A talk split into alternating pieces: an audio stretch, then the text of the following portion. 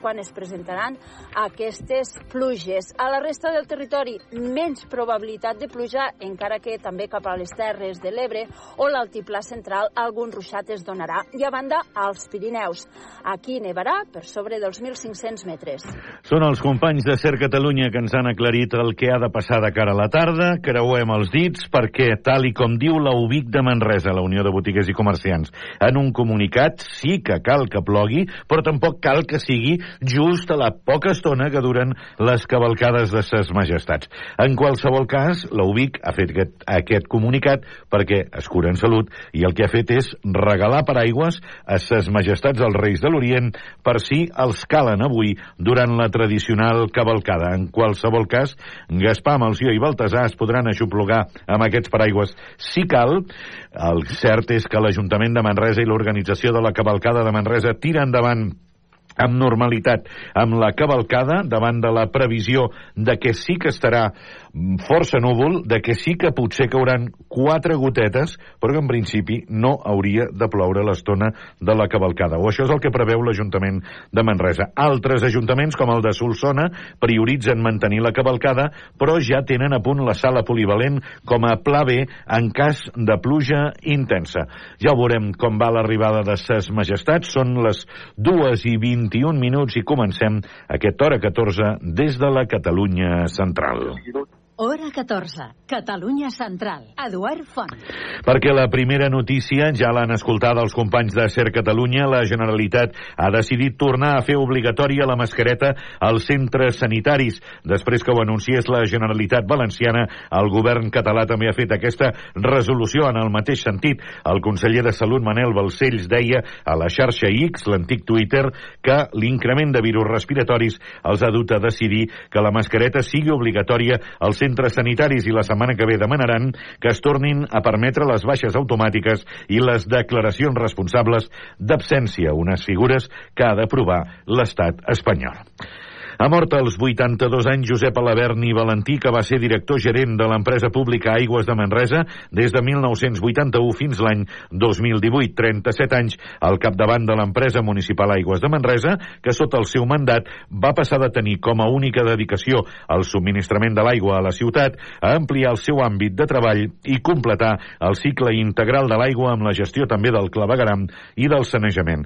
La seva visió de com havia de ser la gestió de l'aigua pública va fer que al final el seu treball incansable li acabés guanyant l'apel·latiu del senyor de les aigües. També destaca la seva tasca a la Junta de la Sèquia com a secretari, a través de la qual va posar en valor el canal de la Sèquia i va defensar la seva importància com a infraestructura hidràulica de gran valor patrimonial i cultural per la Catalunya central. A més, va impulsar la creació de la Fundació Aigües de Manresa, Junta de la Sèquia, amb la voluntat de donar a conèixer la importància de l'aigua en tots els seus aspectes. A la Govern també era president de l'Associació del Museu de la Ciència i de la Tècnica i d'Arqueologia Industrial de Catalunya des de 1997, des d'on va impulsar els Premis Bona Plata. Cal recordar que està la sala de vetlla oberta al nou tanatori de Mèmora aquesta tarda i demà al matí de 9 a 1 i serà a la 1 precisament quan es faci el seu funeral a les mateixes instal·lacions del tanatori de Mèmora.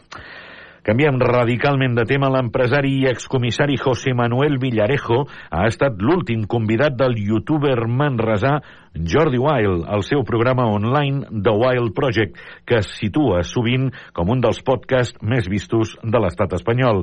El Manresà fa una entrevista distesa de més de 5 hores de durada en què el controvertit personatge repassa la seva trajectòria, parla dels draps bruts dels poderosos, dels GAL, de les seves amenaces de mort i s'atreveix a dir fins i tot que el darrer atemptat de l'11M a Madrid, al darrere hi havia els serveis secrets de França i el Marroc. Escoltem escoltem un tros de l'entrevista. Aquest, precisament, comença parlant Jordi Wild, el youtuber manresà. Sobre todo era el tema del rey o había más, Claro, tema- más causas que tú una- querías. Bueno, eh, ha habido el tema del 11M, no quisieron eh, investigarlo y yo, eh, es mi primero, eh, o sea, yo investigo y sé quién hay detrás y cómo ¿Qué es lo que no te cuadra del 11M? El 11M, bueno, el 11M lo monta, lo monta los servicios de inteligencia franceses y marroquíes y, y nosotros ponemos los explosivos.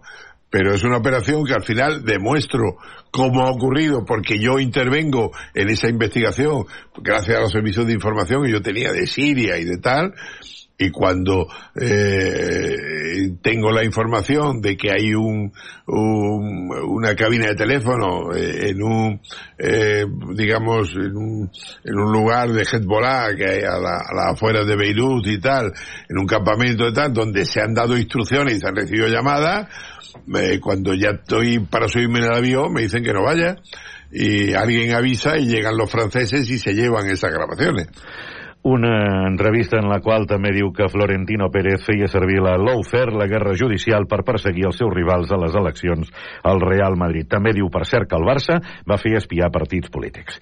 Els veïns del barri del Tossalet de les Forques i els 40 pilans han elevat el to de les queixes davant de l'Ajuntament de Berga.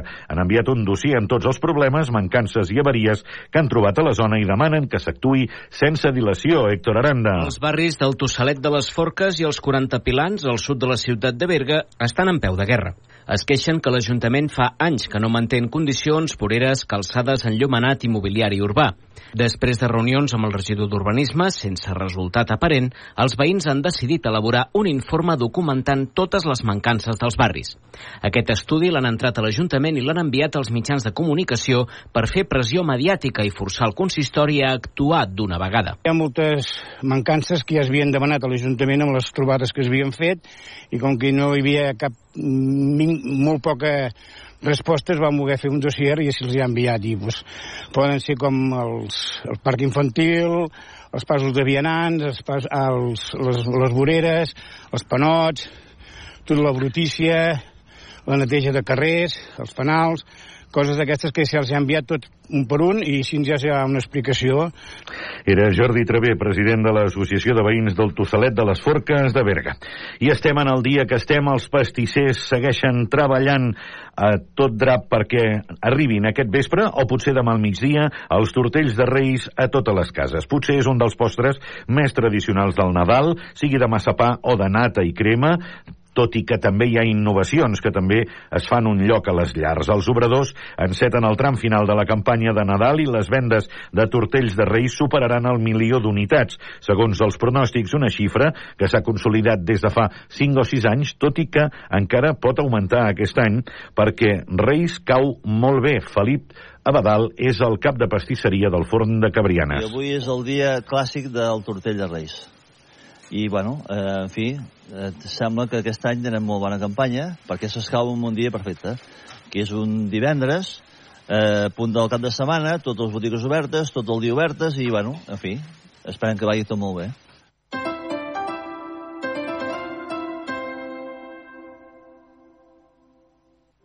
Busques una perruqueria que realment es preocupi per la salut del teu cabell? Amb productes 100% vegans?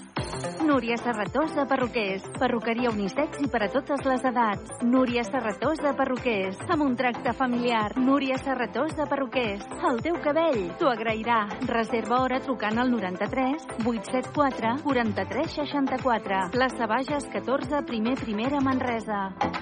Núria Serratós de Perruquers, perquè el teu cabell ens importa.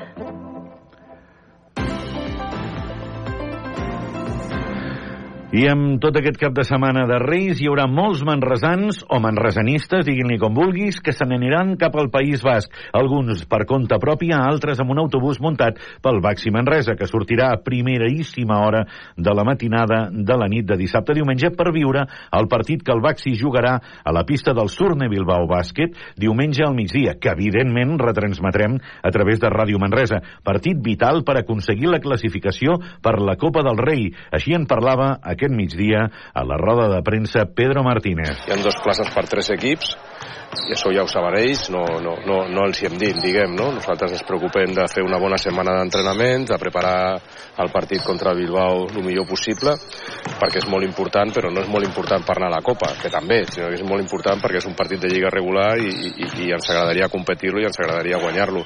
Si ens ens dona el premi de la Copa dels Reis, genial, no? Sabem que per la Copa del Rei depenem de nosaltres, que això sempre és més positiu que no dependre d'altres resultats i que si guanyem estem dintre no? I, i acabem la primera volta amb 10 que seria una, una molt bon rècord per nosaltres diguem no? eh, però bueno, també sabem que ens podem quedar fora no? si, si perdem no? perquè bueno, competim contra contra dos rivals que si ens haguessin dit a principi de temporada que, que Tenerife o Bascònia es podien quedar fora de la Copa del Rei i que entrés al Manresa tothom hagués dit que s'estaven borratxos no? que, que això no, no tindria cap sentit que, que això pogués arribar a la jornada 17 no? Diumenge des de les 12 a Ràdio Manresa en directe. Són dos quarts de tres. Hora 14. El láser. Con Javier Casal. Dos y media, una y media en Canarias. Primer aviso, vuelve la mascarilla a los centros sanitarios. Vuelven ya en Cataluña, en la Comunidad Valenciana y en Murcia y previsiblemente para todos a partir de lunes. Sanidad, el Ministerio, se lo va a proponer a las comunidades autónomas en pleno pico de gripe y coronavirus. El primer aviso, aunque la foto de la mañana es esta. Hace 90 años, insisto, 90 años, que Radio Rioja organiza la cabalgata y acompaña a sus majestades, los reyes, en su aterrizaje en España. Y esta mañana no iba a ser menos. Se ha cumplido otra vez la tradición. Y así como estamos escuchando, el helicóptero ha descendido al estadio de las Gaunas de Logroño. Sí, hemos escrito la carta. Para que nos entreguen los regalos. Muchos juguetes. Desde pequeña siempre me ha gustado. Pues los Reyes Magos ya están aquí. Ana Castellanos, además, tú has estado ya con ellos, ¿no? Buenas tardes. Buenas tardes.